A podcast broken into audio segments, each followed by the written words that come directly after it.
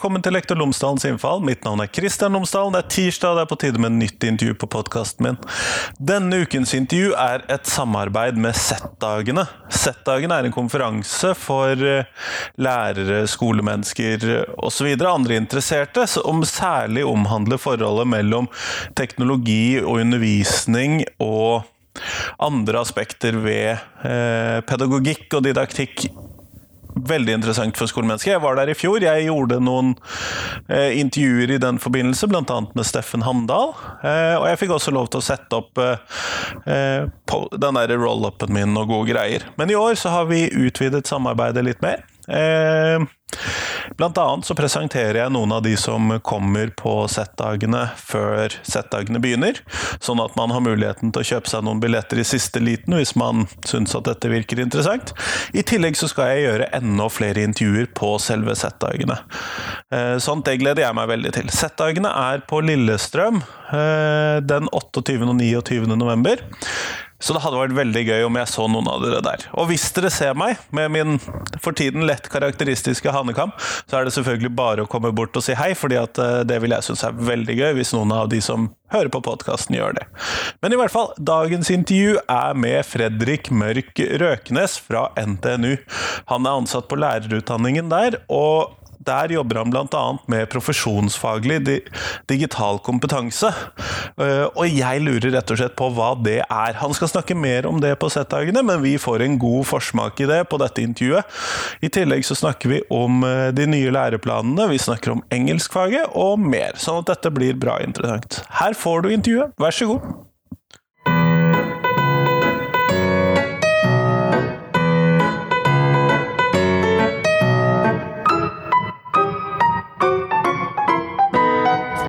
Hei! Før du får intervju på podkasten, så vil jeg bare fortelle at jeg har opprettet en Patrion-konto til Lektor Lomsdalens innfall. Dette er fordi at eh, jeg driver podkasten uten eh, nevneverdig reklame og uten nevneverdig inntekt. Det koster ikke så mye å lage en podkast som eh, min, men det koster lite grann, og jeg hadde håpet at jeg kan få litt støtte og hjelp til å drive podkasten videre. Dette handler om penger både til å friske opp utstyret og gjøre nødvendige innkjøp der, men også for å kunne ha penger til å eh, reise på intervjuturer, sånn at det blir litt flere byer enn de vanlige Oslo- og Bergens-intervjuene, som det har blitt en del av på podkasten. Så jeg hadde håpet at du kunne hjelpe meg med det. Du finner Patrion-kontoen min på patrion.com slash eller skråstrek lektor Lomsdalen i ett ord. Patrion.com slash lektor Lomsdalen, altså. Men nå får du intervjuet, vær så god!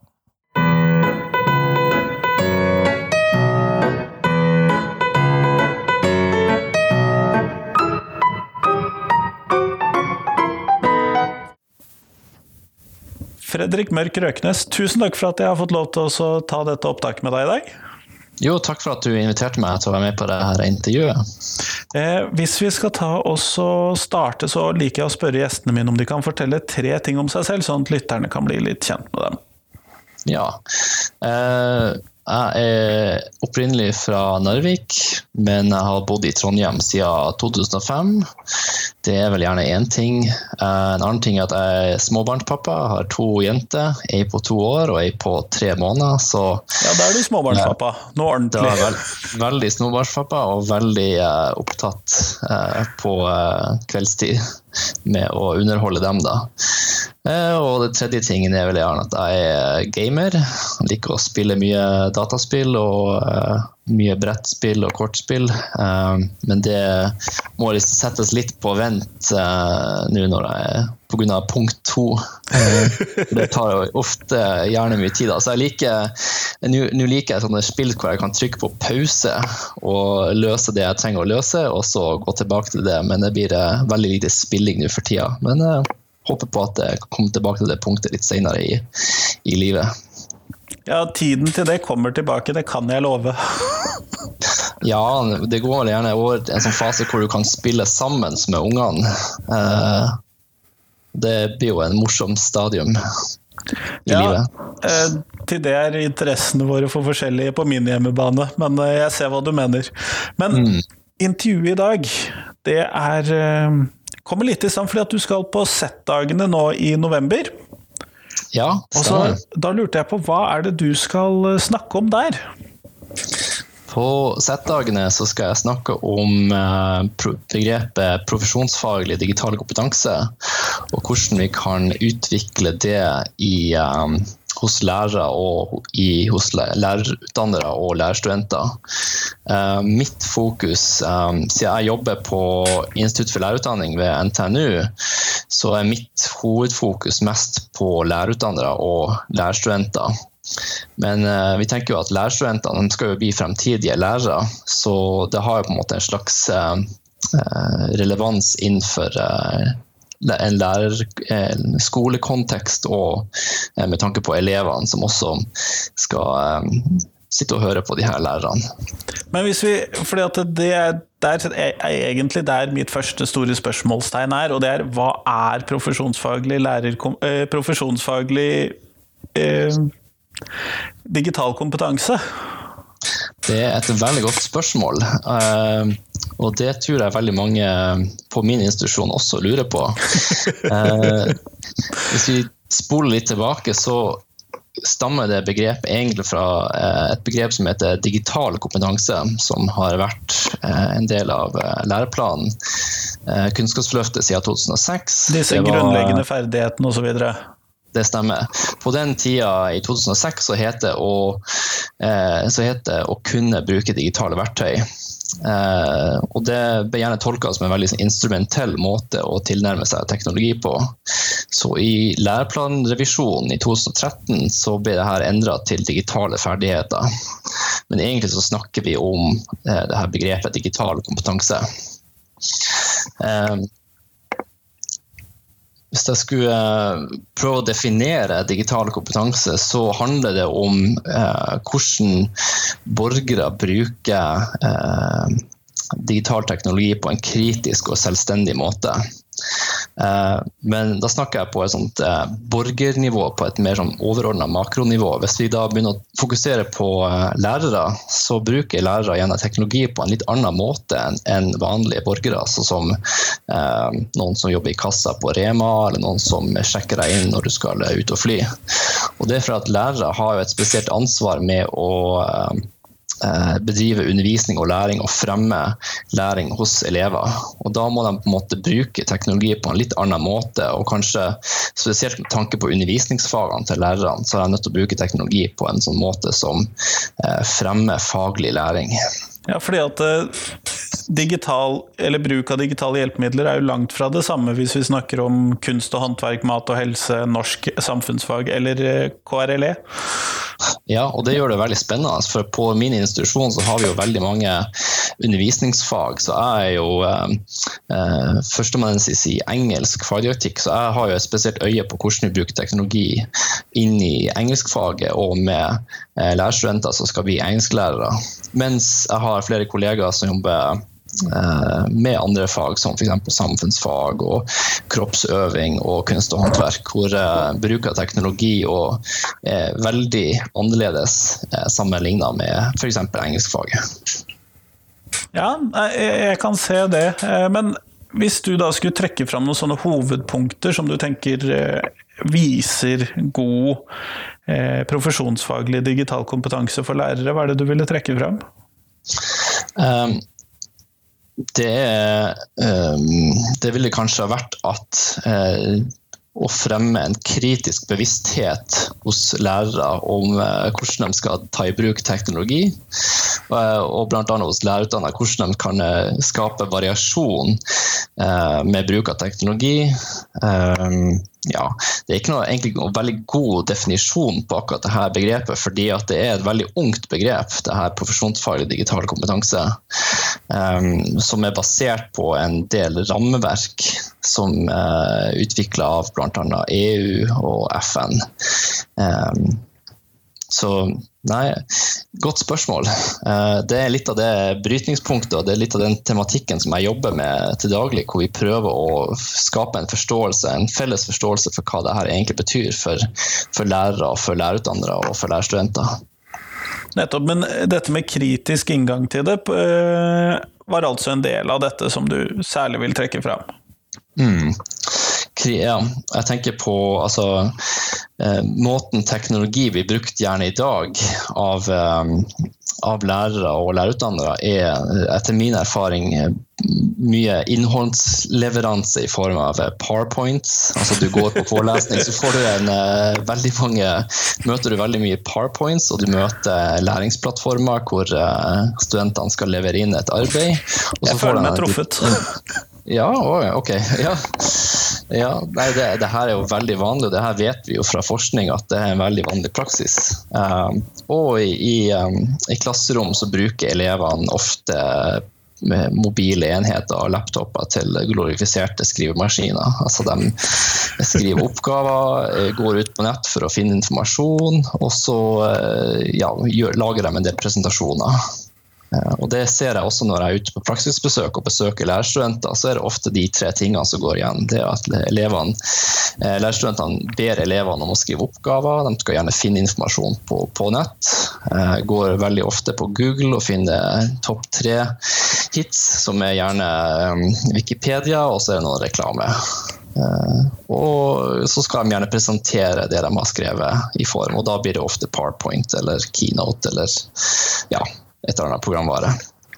Så det vi ønsker, da, det er jo at uh, denne verktøykassa til lærerne skal bli litt utvida. Eh, og at de kanskje bruker teknologi litt mer på faget sitt premisser, og ser litt flere muligheter. Uh, ja. Ditt fag er jo da engelsk. og hva er det du tenker er disse premissene for engelskfaget? Så engelsk er et litt komplisert fag, fordi det er både et verktøysfag og et uh, innholdsfag.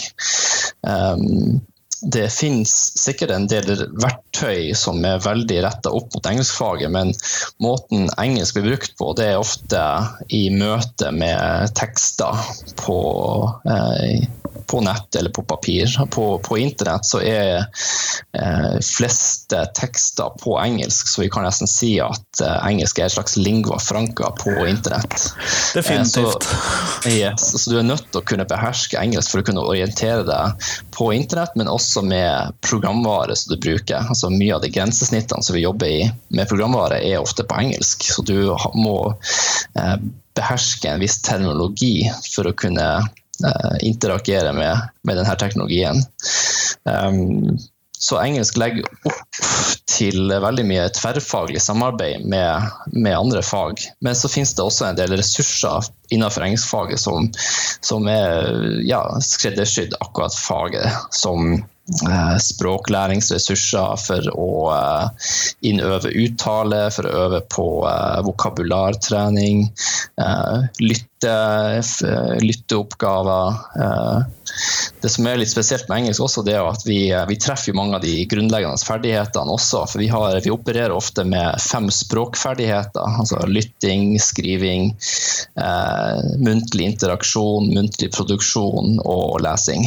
Og I tillegg så må man jo lære seg tallene i engelskfaget, sånn at da har du plutselig litt regning inni der òg? Ja, denne her femte grunnleggende ferdigheten om regning det er ofte en sånn nøtt som mange engstelærere sitter og klør seg i hodet om. Men eh, altså, det er jo bare å eh, lese eh, tabeller, statistikk. Du får jo ofte presentert tall, altså kvantifiserbare data i form av tekst og, og tall i tekster. Så jeg tror nok du treffer denne regneferdigheten ganske ofte i, i språkfagene også. Men det der med at man trenger engelsken for å kunne gjøre alle disse digitale, eller mange av disse digitale tingene, det kjenner jeg veldig igjen fra mine egne barn. Jeg hadde lyst til at de skulle begynne med sånn programmering, sånn scratch-programmering og sånn eh, koding i skolen-type ting når de var eh, mindre. Men de hadde jo ikke det engelske nivået som var nødvendig for å kunne gjøre disse tingene. Ja, nei, og programmering kommer jo fullt for fullt inn i, uh, i læreplanen. Eh, og nå er det jo en fagfornyelse på gang uh, as we speak, så det er jo veldig interessant å se på de utkastene som ligger ute nå. Uh, jeg vil bare oppfordre alle til å komme inn med høringsinnspill på de utkastene. For da får man faktisk muligheten til å kunne være med å utforme fremtidens læreplan, som da skal rulles ut i 2020 for fullt. Og programmering kommer antageligvis til å være en del av, sånn som jeg har forstått det, matematikkfaget. Og mye av de her grensesnittene som vi jobber med når vi jobber med programmering, er jo nettopp på engelsk. da. Med mindre man går inn og jukser litt og så uh, tar Ingrid Espelid uh, og justerer uh, språksettingene til, til norsk. da. Ja, nei, Det ville jo innebære en storstilt statlig oversettelsesjobb. Det ville jo man sikkert i en del miljøer være veldig glad for. Men eh, hvordan tenker du denne profesjonsfaglige digitalkompetansen opp imot de nye læreplanene? Har du fått tittet på det? Vet du, jeg har så vidt kikka på utkastene til de nye læreplanene, spesielt for engelsk. Um, jeg var jo sjøl med i utviklingsarbeidet av de her såkalte kjerneelementene, uh, hvor vi da la et grunnarbeid uh, for læreplansarbeidet som foregår nå. Da. Så jeg var med i den engelskgruppa og um, ja, hadde da et spesielt fokus på teknologi inn i engelskfaget. Det jeg tenker på, det er at uh, her, Vi jobber jo med et prosjekt nå som er veldig spesielt. Uh, heter Digilu-prosjektet. Uh, det har fått 22 millioner fra Kunnskapsdepartementet, og da jobber vi primært med å digitalisere grunnskolelærerutdanninga. Og vi har jo en sånn visjon at hvis vi eh, kan eh, fremme den digitale kompetansen, eller profesjonsfaglig digitale kompetansen hos lærerutdannerne våre, så kan det igjen være med på å fremme denne kompetansen hos lærerstudenter. Og de her lærerstudentene skal da ut i skolen og arbeide med de nye læreplanene. Eh, og da håper vi at de teknologiske aspektene eh, ivaretas i det her arbeidet med fag. At, eh, at lærerstudentene på en måte kan se mulighetene som ligger i å bruke teknologi i undervisningsfagene sine, og at de her mulighetene er noe mer enn å bare drive på med presentasjoner og ut på internett for å finne informasjon og eh, skrive oppgaver. Ja, Er det noe spesielt du da vil trekke, trekke frem der? Fordi at eh, jeg for min del, selv om jeg er relativt IT-kompetent, så er det ofte den typen digital jobbing som det ender opp med å bli. Mm. Det, altså det, som ofte har vært problemet, det er jo at folk ikke får tid i arbeidsdagen sin til å faktisk sette seg ned og eh, lese seg opp på eh, relevant teori og forskning, og for å kunne prøve ut verktøy i sin egen praksis. Altså Ofte så er det eh, at du eh, sitter og jobber med å planlegge timer, og så er det å gjennomføre timene dine, og så er det vurderingsarbeid og samarbeid med foreldrene, og så er det veldig liten tid på slutten av dagen til å kunne prøve ut nye ting og eksperimentere. Det er et hovedfokus i vårt prosjekt det er faktisk å um, kjøpe fri folk uh, tid på arbeidsplanene sine til å faktisk ta eller gjennomføre kompetanseheving innenfor profesjonsfaget digital kompetanse.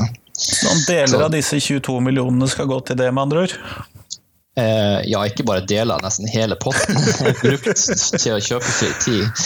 Så vi har ikke kjøpt eh, en eneste form for programvare for eh, de 22 millionene. Vi har ikke kjøpt masse dingser, nei, vi har kjøpt tid. Og jeg tror tid er en av de mest dyrebare ressursene vi har.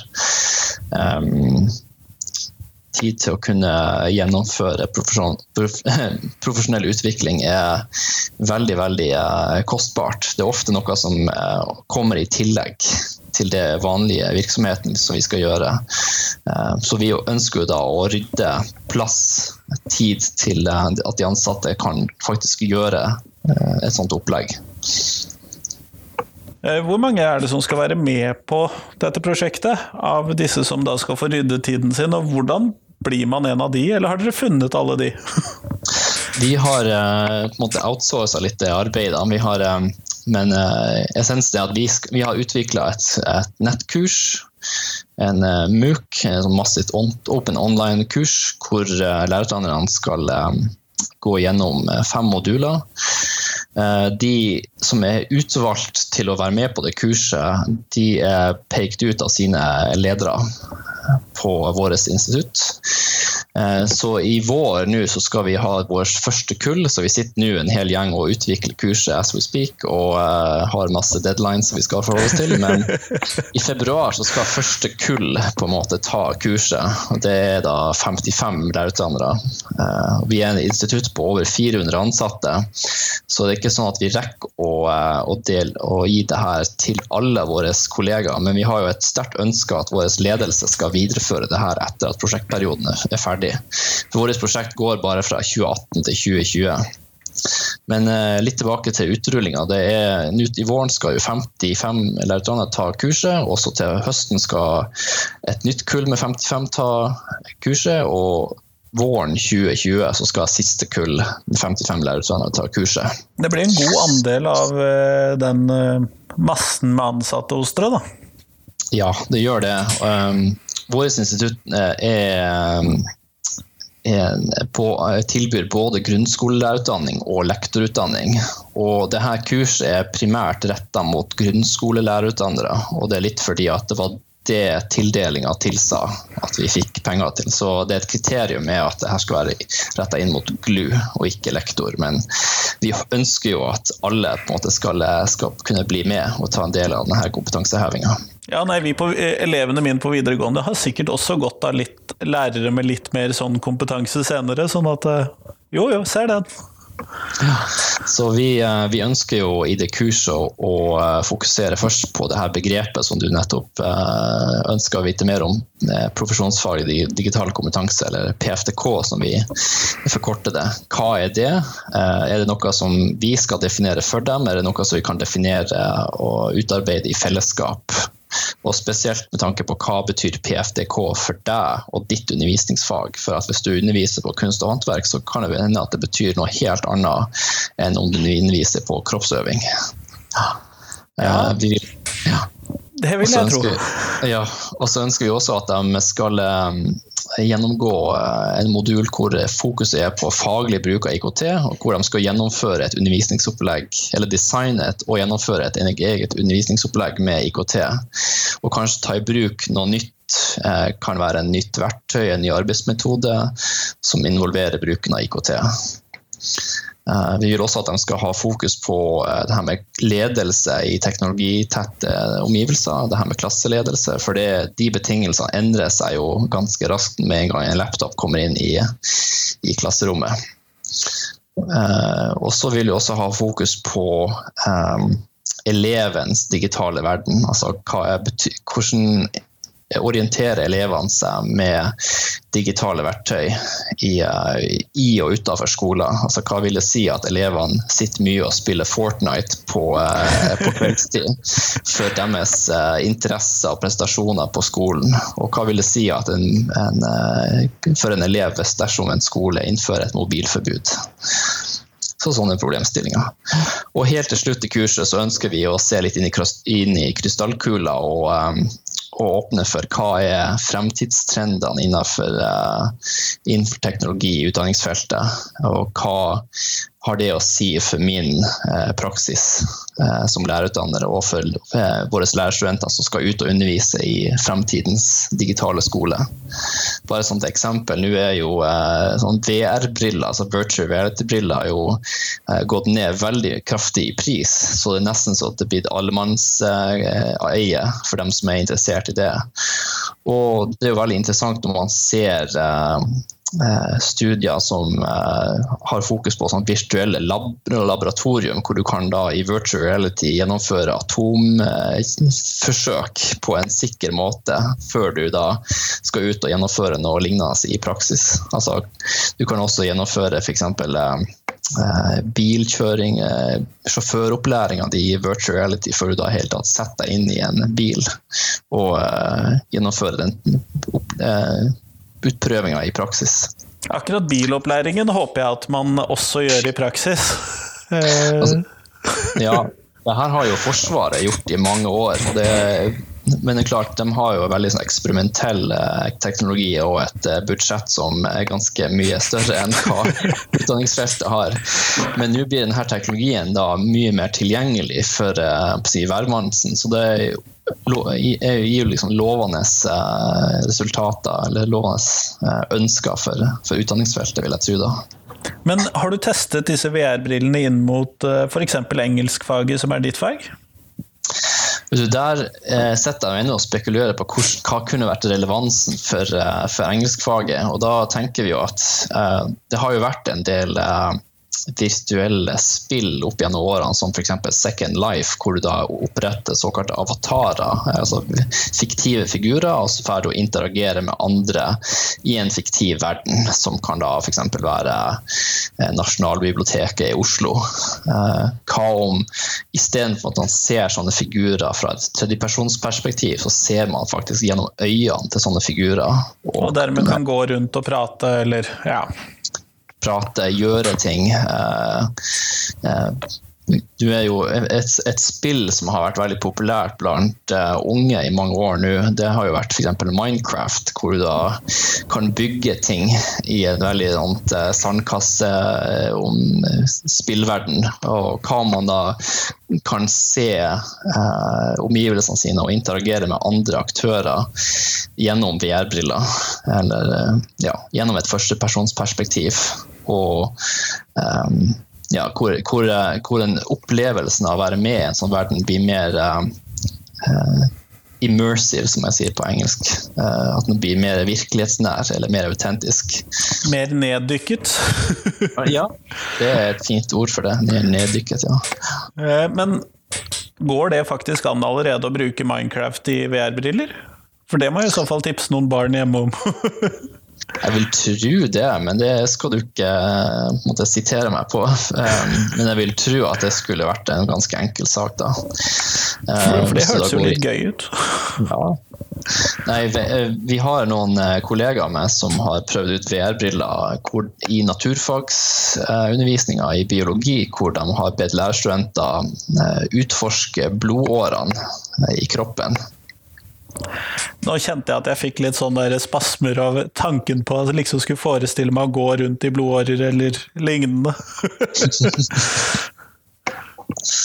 Ja, jeg fikk litt sånn uh, flashback når jeg, hørte, når jeg, så det opplegget. så fikk jeg litt sånn flashback til en, fin, uh, sånn science fiction-film som var på jeg tror det var 70- eller 60-tallet, hvor da uh, en gjeng med forskere ble krympa ned til sånn nanostørrelse og skulle inn i en sånn kapsel og så inn i, inn i blodårene til, til, en person og løsne opp en sånn bloodcloth en plass i kroppen. Ja, du var der, ja, for jeg var på jakten på nyresteinen, jeg. ja, ja, ja, den er jo også kjempegodt eksempel på akkurat den der. Eh, men jeg ville jo kunne tenke meg at i engelskfaget, da, f.eks. et besøk til um, parlamentet, britiske parlamentet f.eks. kunne gjøres live?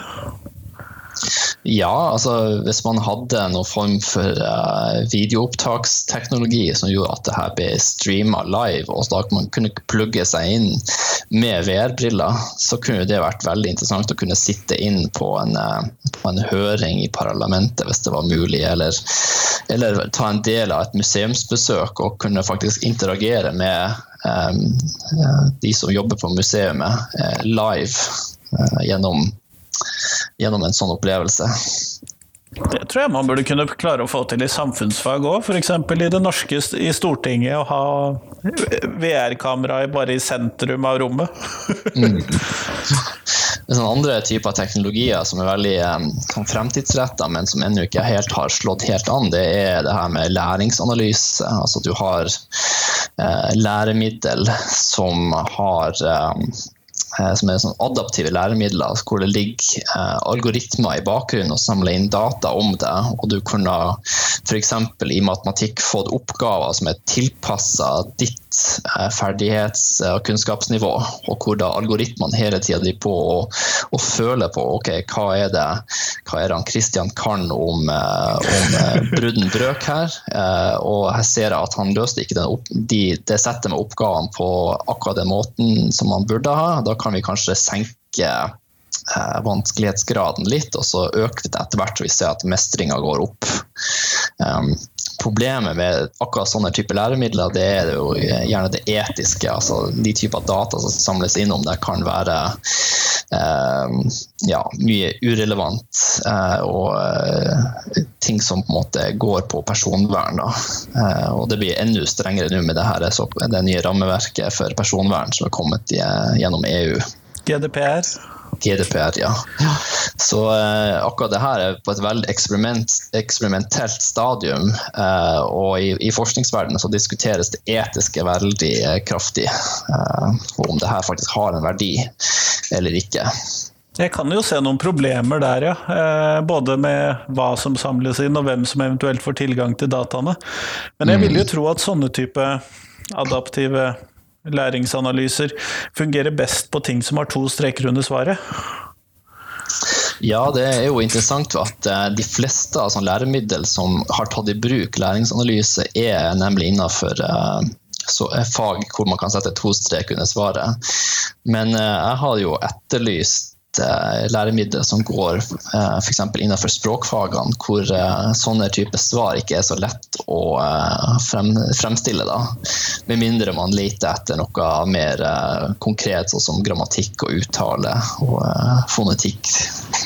Hvor sånne type, type svar er kanskje enklere å frem, fremstille. Ja, nei, det, det, var min umiddelbare tanke også. men vi går mot slutten av intervjuet. Og da liker jeg å stille eh, de jeg snakker med, et spørsmål om hvilket fag de ville likt å lage i skolen, hvis de skulle lage et nytt fag. Hvis de skulle finne et navn, de skulle finne et innhold, og man kunne stjele uhemmet fra andre fag, eller man kan hente inn helt nye ting inn i skolen. Og hva er det du mm. ville likt å se, da? Um, jeg kunne tenkt meg å ha lagt uh, ikke et fag for elevene, men faktisk et opplegg for lærerne. Altså et fag eh, som Eller kurs, hva hun kaller det for. Eh, hvor lærerne fikk profesjonell utvikling innenfor bruk av IKT i fag. Eh, og hvor ikke det her var et sånt engangstilfelle, altså at kurset var ferdig på tolv timer, men at det her var noe som på rullerte kontinuerlig gjennom eh, skoleåret og gjennom, gjennom lærerlivet. Eh, hvor da skolelederne faktisk satt av tid til lærerne til å kunne eh, høre på ny forskning, eh, utforske nye arbeidsmetoder og prøve ut nye verktøy. Og gjerne i, i og med kollegaer, slik at denne kunnskapen kan deles i hele organisasjonen. For Det er litt den tanken vi har med vårt prosjekt også. og jeg tenker at dette kunne vært veldig relevant for, for skoler også i Norge og gjort. Kjempeflott. Tusen takk for svaret. Ingen problem. Og tusen takk for at jeg fikk lov til å prate med deg i dag. Nei, tusen takk for invitasjonen, det var veldig hyggelig.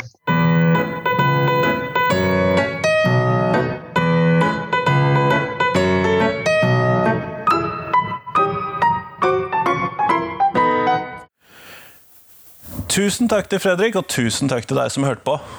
Nå er det Skal vi se, skal vi se, skal vi se Nå er det ca. en måned til Z-dagene. Eh, hvis du syns at dette hørtes interessant ut, eller du har lyst til å sjekke ut Z-dagene mer, så finner du informasjon om Z-dagene på zdagene.com. Ellers så håper jeg at du kan hjelpe meg å dele podkasten med noen, eh, for det blir jeg veldig glad for. Eh, ellers så Tja, vi ses om en uke. Hei, hei!